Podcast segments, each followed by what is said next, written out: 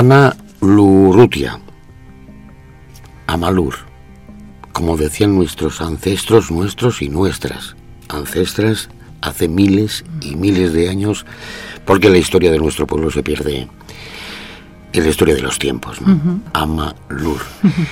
Sé que a ti te dice algo eso. Sí, mucho. La madre tierra, Julio, me encanta. Conectado totalmente con mi sentimiento y con mi sentir de ahora, ¿no? Mm. Tú eres consciente, Ana, de que eres un referente para tantas y tantas y tantas personas. Mm, no sé si he sido muy consciente, quizás ahora, ahora que ya no estoy en, en, pantalla, ahora que no entro en las casas, en los hogares de los vascos y las vascas cada día, y que me encuentran en diferentes rincones de Euskal Herria, me expresan mucho cariño y me dicen cómo me echan de menos. ¿no? Y quizás ahora me doy cuenta del poder que tenemos en la pantalla, Julio. El poder que tenemos las personas que aparecemos en esa caja, ¿no? Correcto. Es, es, es impresionante, ¿no? Pero ¿Cómo puede... no lo somos. No, no somos. Luego la perspectiva del tiempo nos Mm. da... Efectivamente, y te vas dando cuenta, ¿no? Sí que ha sido un recorrido extenso y también creo que el estar eh, en esa misma plaza, vamos a decir, ¿no? Eh, presentando el Eguraldia durante más de 20 años, hace que te conviertas en un personaje como muy referente, ¿no? Es cierto que he tenido muchas oportunidades de hacer otras cosas, he combinado otras cosas, pero nunca quería dejar el Euraldi. Era algo que lo tenía súper claro desde que entré en ETV. Me han ofrecido otros programas, me han dicho sal del tiempo. Mucha gente me decía, se te va a pasar el arroz, Ana, y estás ahí en el tiempo y esto es un trampolín. Y yo decía, ¿por qué el tiempo es un trampolín? Yo el tiempo lo veo como algo maravilloso, que me encanta estar aquí y ser un referente como la mujer del tiempo de Euskal Herria. Y creo que acerté en mantenerme ahí, por eso he estado más de 20 años, Julio, porque, porque sí, porque acerté quedándome ahí, en mi sitio. Mm. No tengo la menor duda y además me alegro muchísimo y se alegraría toda la población que te veía día a día. Los ser y los rating y todo esto de Sí, antes sí, sí. no eran lo de No, ahora. no, no, para Antes era nada. una barbaridad Era impresionante. impresionante. Yo te decía Analur, Mm, Analur Rutia, Sí, sí. pero también sé que eres la señora de las mareas. Porque si alguien incorporó el sentido de lo que es la mar, Mm. conociéndola de primera mano, porque desde chiqui chiqui te gustaba el mar, te gustaba Baquio, Mm. las olas, Sí. hacer surf cuando no era tan habitual que las chicas No. hicieran surf. No, éramos pioneras en aquella época, muy poquitas.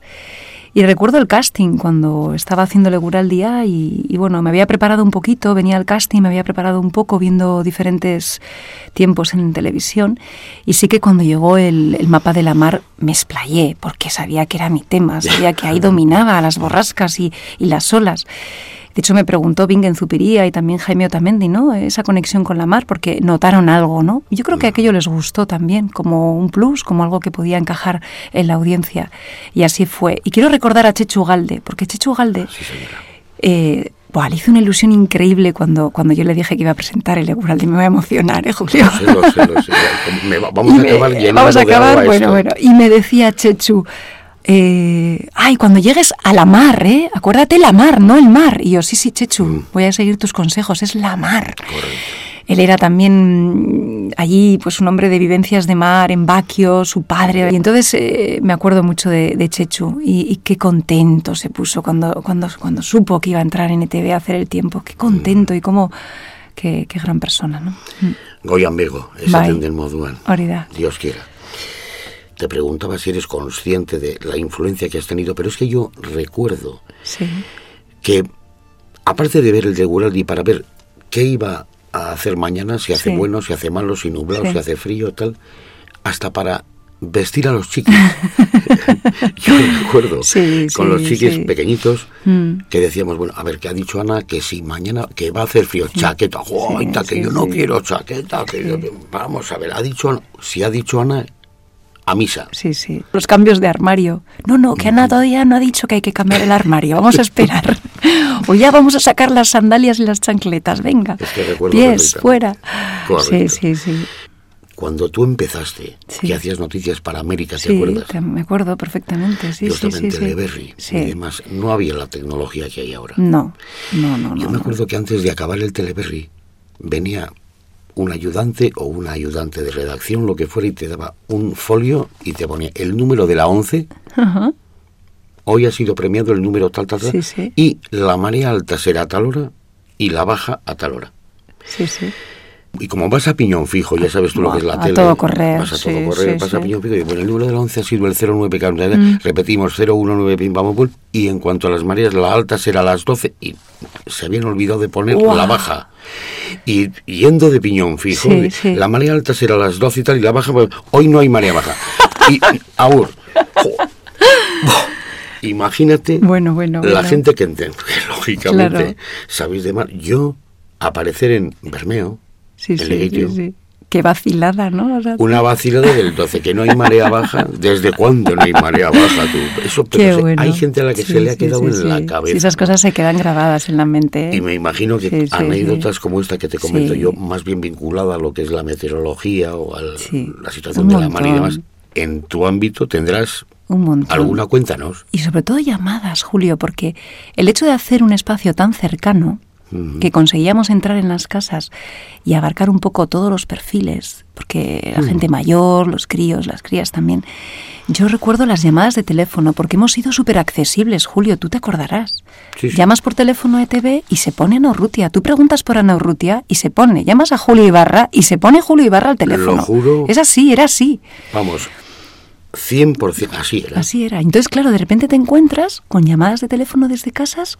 Te puedo contar un montón de anécdotas, desde personas que te dicen que por favor no vuelvas a ponerte ese pantalón porque no te sienta bien. Y desde personas que te están pidiendo algún favor personal porque quieren que tú a través de la pantalla lances algún mensaje a una persona y que a ver cómo le puedes ayudar, por ejemplo, ¿no? O sea, nos hemos convertido al final en personas que, que en ese caso pues eh, querían que, que, bueno, que les ayudáramos en todo y, y hemos sido amables y hemos eh, tenido esa atención. Cuando se ha podido, desde luego se ha hecho. Yo cuando me han pedido hacer algún gesto, algún guiño en televisión, mira, mm, muchas veces iba a colegios, Julio, porque me llamaban para atender a chavales de, eh, de, pues bueno, de cuarto, de quinto, entonces de primaria, ¿no? No, Ahora es primaria. Bueno, pues para un poquito alguna lección, porque estaban dando meteorología, y entonces iba a los colegios, un ratito a la mañana pronto, les explicábamos un poco cómo funcionaba también la tele, hablando de, de- de ese básico, ¿no? De, sobre meteorología y sobre el clima. Y luego me decían todos los alumnos y alumnas, bueno, Ana, cuando me despedían, hoy nos saludas desde Guraldia y nos Correcto. dices a la clase de sexto A y tal. Y yo les decía, no puedo decir eso. Oh, no puedes, qué pena. Entonces decía, bueno, si queréis, os hago algún gesto. Un gesto, y, y mira, me voy a sujetar aquí el cuello de la camisa, que hoy me han puesto una camisa, y voy a hacer así en el cuello, plas, plas, como dos veces, y eso es la señal de que os estoy lanzando un beso. Total, que claro, me lo apuntaba luego en la mano con un boli para que no se me olvide luego después. Y efectivamente hacía eso, ¿no? Estoy grabando el Guralde y pa, pa, me hacía. Y luego me llamaban por teléfono, muchas gracias, los padres, las madres, qué ilusión les ha hecho el gesto, mira, lo ha hecho, lo ha hecho. O sea, y Pero es dices, que pero son- con qué poco podemos hacer, ¿no? El Así poder es. que te decía que teníamos, ¿no? En pantalla. Muchas veces no se es consciente Mm, de la capacidad que tiene una persona de con un detallito Mm, Sí, sí, sí. dar la felicidad a gente que. Mm. tanto necesita ese cariño, ese... Sí, sí, aunque es una tontería. Sí, sí. Y yo sé que. Mm. tú en eso has sido maestra, pero no solo en eso. Has sido maestra un poquito como Félix Rodríguez de la Fuente cuando hizo televisión con aquellos documentales. Esas coletillas en las que, Sí, digamos que, no voy a decir educar, sí, pero, un sí lanzar una Despertar conciencias, Julio. Correcto. Creo que es despertar conciencias. Eso es. Muchas veces me arriesgaba. ¿Sí? Porque hay veces que estás trabajando y dices, bueno, igual suelto esto y, y claro, estoy aquí eh, con una responsabilidad en una, en una empresa, en una casa. Y a veces mm, voy a decir que he abusado un poco de ese personaje que había montado. ¿eh? Y que ha habido momentos en los que ya llevaba muchos años en televisión y he lanzado algunas cosas que con atrevimiento porque tenía esa, esa ventaja y ese privilegio de ser ya una persona como muy afincada en la casa. Y lo reconozco. Y he lanzado algunas una cositas. Sí, sí, y lo he utilizado, lo he utilizado. Pero lo he utilizado porque era muy consciente de que lo que estaba diciendo yo creía en ello y que era bueno para la sociedad. Lo sé. Y por eso lo he divulgado así, sí. Pero no solamente eso, Ana. Pasaron los años, la actualidad también va cambiando, para bien, para mal, como sea. Y tu posicionamiento también con esos gestos Sí, que dicen mucho, aunque prácticamente no se diga nada, Mm. porque son gestos dirigidos a quien quiere y sabe entender. En el ámbito del empoderamiento de la mujer, Sí. yo recuerdo que cuando yo en el Teleberry me, en cierta medida me impliqué en ese sentido, yo empecé a Totalmente. decir aquello de Gabón Gustioy, buenas noches a todos Ya, y a todas. Sí, sí. Bienvenidos. Y había gente que me decía, "Oh, ya estamos. Joder, ya estamos. En fin. Esa pero implicación. Fue el sonsonete diario. Tú diste otro paso adelante cuando hablabas en el plural o singular femenino. Femenino. Para sí, todo. Sí. Ahí está Mm. el valor. Y no to- todo el mundo te entendería. No, no, Yo no, sí. no, no, no. Y- O sea, Me alegro mucho. pero cuéntame. Pero sí, recuerdo que llamó un poquito la atención y, y de hecho no tanto aquí en la casa, no nadie me comentó nada, quiero decir desde arriba, no quiero decir que alguien me llamara la atención para nada. Pero sí que, eh, bueno, gente que te escuchaba te decía, ¿no? Y algunas veces eh, no quería entrar tampoco en batallas en las que no queremos perder energía porque no merece la pena. Pero sí que recuerdo alguna frase que soltaba, bueno, llevo pf, 17 años o llevo 15 años hablando en masculino, pues a partir de ahora voy a hablar en femenino para compensar. Por ejemplo, ¿no? Soltaba una frase así para no entrar tampoco en, en batallas. Pero a eso me refería, ¿no? Ese tipo de cosas que puedes hacer, esos guiños y, y dejarlo como algo natural, ¿no? Creo que el hecho de hacerlo de forma natural hace que también nos planteemos las cosas como algo también que es natural y que tenemos que ir entrando en ello. Batallas del tiempo, pero batallas tuyas, Sí, también. como profesional, Mm. que decide implicarse. Sí, porque además somos rostros populares, Julio, y a ti también te pasaría, y por tanto hay movimientos sociales que llaman a tu puerta y te piden ayuda porque tú eres una persona referente y comunicas y puedes ser su voz, porque no llegan a veces a, la pantalla, ¿no? Y sí que eh, la experiencia en, mi trabajo en Egural Día me ha ofrecido la oportunidad de ver también muchas cosas y por eso hemos librado batallas importantes a nivel ecologista y también a nivel feminista, porque el feminismo ha estado súper presente en mi vida en los últimos años. ITV Movimiento Feminista es un grupo de mujeres, de más de 100 mujeres, compañeras de la casa, de compañeras de la radio, de la tele, de productoras, técnicas, eh, periodistas, mujeres diversas que también hemos hecho nuestra función dentro de la casa para despertar esas conciencias, ¿no? Y me he sentido que me he sentido a gusto, me he sentido a gusto, porque creo que desde niña he tenido un poco esa, ese ser social de implicarse, de que estamos aquí para cambiar las cosas. Y por eso he gastado energía, algunos disgustos también, con algunos compañeros, Supongo. Claro. Que bueno, que luego después siempre con... Bueno, arreglándolo, porque yo no me puedo ir enfadada a la cama, Julio. Entonces, tengo que llamar por teléfono y arreglarlo y hablar y, y sentir, ¿no? Que la otra persona, aunque no me entienda o aunque opine diferente a mí, me va a seguir saludando, porque es importante, para seguir debatiendo, porque si no, no vamos a ir a ninguna parte. Mira, yo propuse que hubiera una figura de editora eh, especializada en eso, editora de género dentro de la redacción. De momento no es así, pero estoy segura que Julio eso va a llegar. Va a llegar, seguro, en unos años. Comparto 100% y no te estoy haciendo la pelota Mm. No, no lo por haber sé, compañeros y demás, sino porque, digamos que entre profesionales que Ah. sabemos las presiones que hay de un lado, Sí, del otro, sí. en fin. Bueno, ¿cuántas veces me han cambiado el mapa, Julio? También. hemos estado en el ojo, hemos estado en el ojo del El ojo huracán. del correcto. En el ojo del huracán. Yo me acuerdo cuando veía las fotos de Guraldi con los mapas y claro, como estaba yo en esas fotografías de los planos de Guraldi del programa, aparecía en toda la prensa y allí estaba mi, mi cara y allí estaba con todas las Mm. noticias de titulares, que si Navarra, si Navarra no, que si Parralde. Y dices, bueno, naturalidad, riqueza, saber estar. Y sobre todo, yo me acuerdo. Ay Dios, como dices tú, a ver si vamos a llorar todos. ¿eh? Mm. A ver, a ver. Pero me acuerdo mucho de que yo siempre defendía ese tono de no crispación. Ujú. Hablaras de Con lo quien hablaras y, y de temas hablaras. Sí, complejos, sí, sí. Buah, lo que te ha tocado a ti, Julio. lo que te ha tocado a ti. Muy duro. Impresionante. La vida muy dura. Pero bueno, en, aquellos tiempos, digamos, mm. yo creo que lo que fomentaba era ese llegar con una mm, sonrisa perenne. Tuvieses mm. fiebre, catarro, las, crías estuvieran este, con, la madre. Embarazada a punto de dar luz, porque estuve, me acuerdo, que casi me fui de, de día y di a luz a la semana siguiente. O sea, sí, con todo lo que conlleva. Con todo lo que conlleva, pero con una honestidad y una manera de decir que es que nadie se puede molestar, esté de acuerdo o no. Yo creo que esa era para mí la, la, clave, de, en un país tan mm. crispado muchas veces y tan, tan enfrentado. ¿no? Por eso digo que a mm. ver si hay quien copia.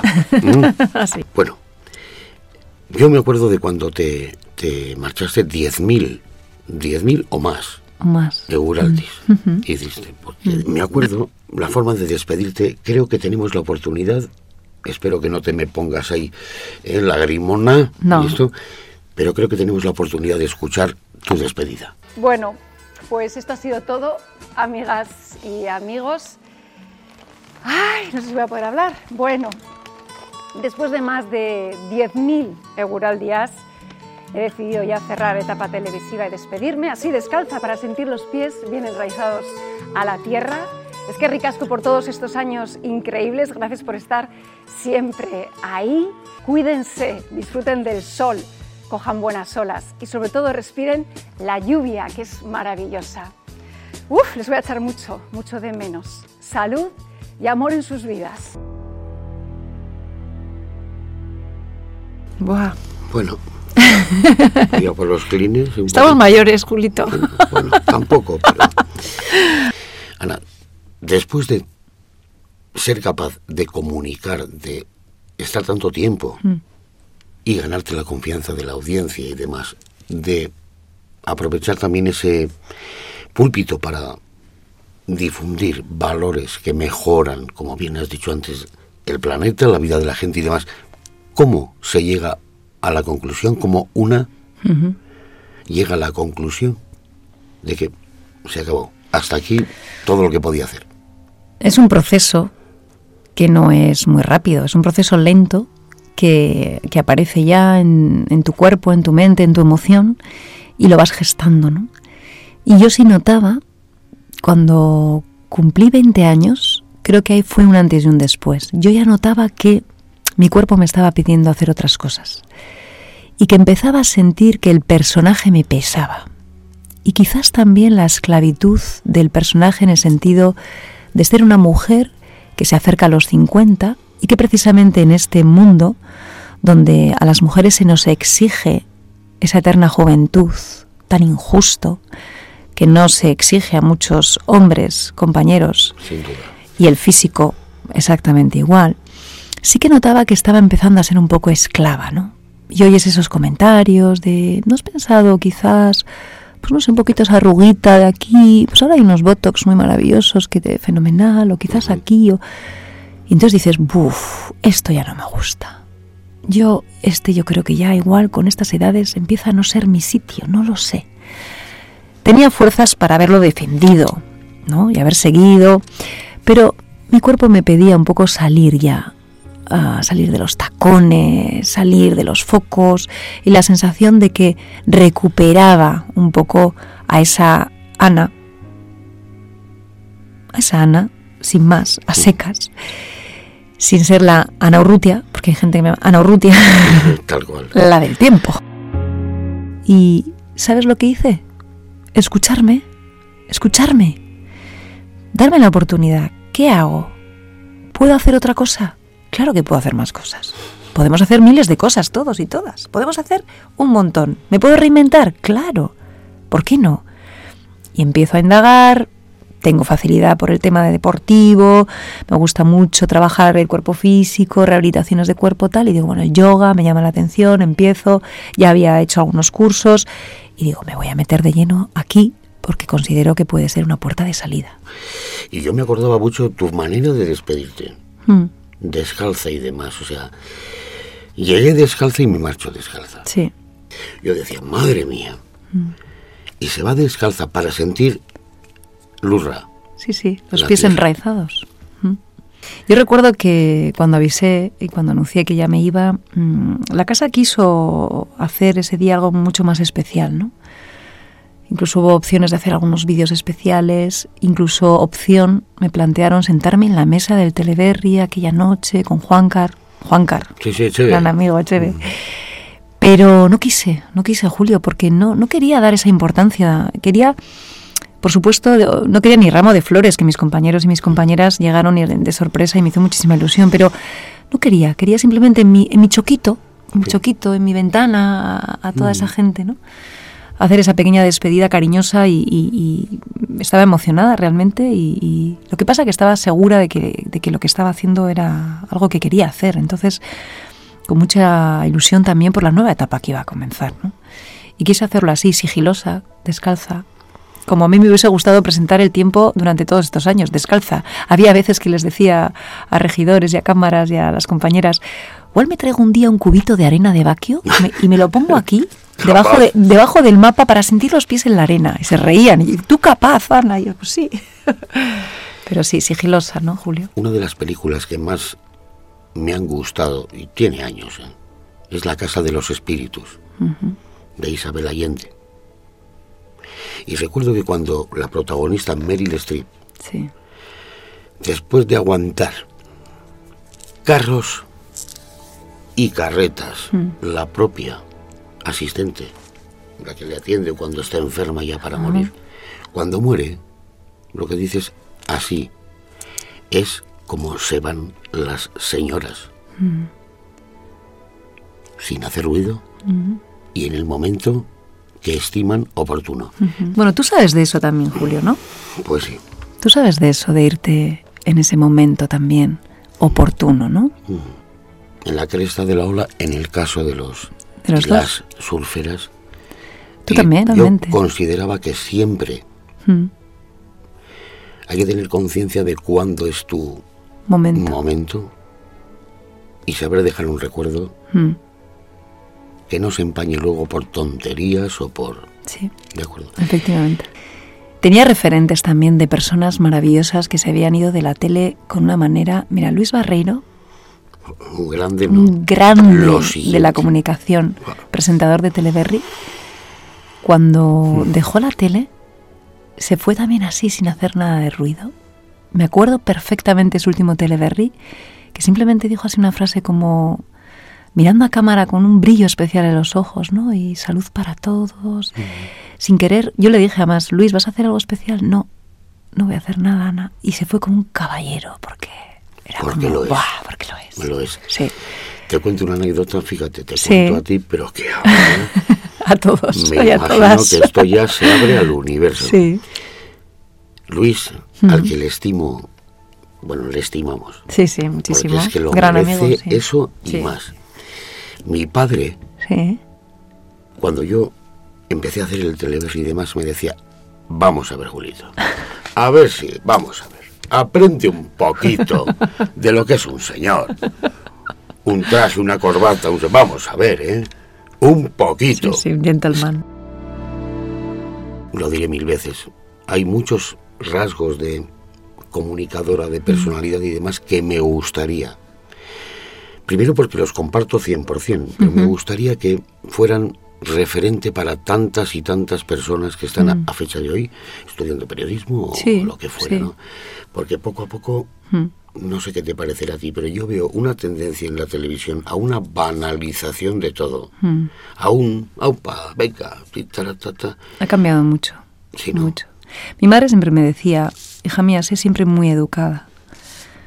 Y eso, esa educación creo que es primordial, ¿no? El saber estar en cada sitio, el saber esas palabras que sean pues, las idóneas, las correctas y, y no pasarte de exceso de confianza, ¿no? Son formas que hay que cuidar, que tenemos que cuidar.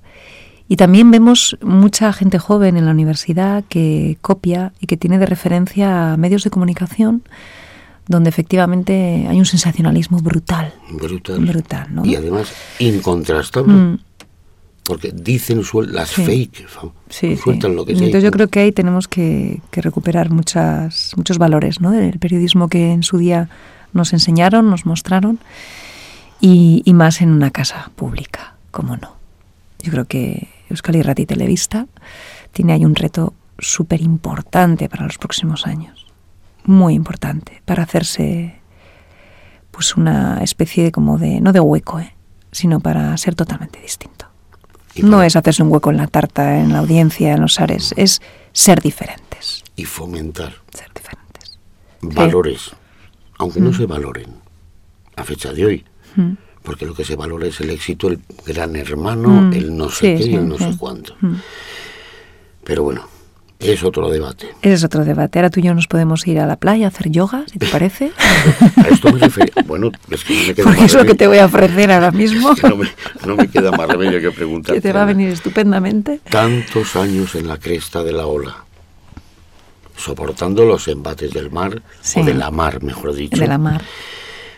Una mar de fondo no es lo mismo que una mar en calma. Unas mareas vivas hmm. no son lo mismo que un banderín verde, como entendemos los, los que somos profanos en la materia. Pero ¿en qué ola está ahora, Ana? Pues mira, ahora estoy en la ola, vamos a decir, en este momento, después de un año fuera de, de la tele, estoy en una ola de fluir, en una ola de sentirme muy libre. Sí que me preparé para ser profesora de yoga y estoy en ello, con mis clases de yoga, organizando mis retiros. Feliz. Pero lo que más siento, Julio, es que tengo libertad de movimiento y por eso también dejé la tele. Eso significa que estás abierta a cualquier cosa que suceda, a cualquier tren que pase frente a mis ojos, me puedo montar si quiero. Mm. Esa libertad, ¿no? Esa flexibilidad, ese no estar atada a nada, es lo que me está dando ahora mucho bienestar. Entonces estoy siempre sintiendo esa apertura a los proyectos. Sé que puedo mañana mismo hacer una bolsa y salir de viaje unos meses a alguna tierra donde me surja algún proyecto. Y eso es lo que veo como aventura constante frente a mí y dispuesta a, tirarme a la piscina. Estoy ahora con ese factor también sorpresa de, de a ver qué pasa, intentando vivir día a día y disfrutar del instante. Yo ahora mismo estoy aquí sentada, solo estoy pensando en ti, Julio, en que me estás entrevistando y en que estamos aquí. Mi cabeza no está en otro sitio. Me estoy poniendo rojo. Entonces, en este momento lo que pienso es eso, respiro este momento, disfruto, te veo los gestos, te veo la, cara mirándome, cómo apuntas en el cuaderno las hojas, disfruto del espacio, de... No estoy pensando en mañana qué voy a hacer, no está mi mente en ningún otro recado, planificación o... No, eso es estar a gusto, liberado de estrés, liberado de angustias. Me das una envidia. Sí. Madre, sana, ¿eh?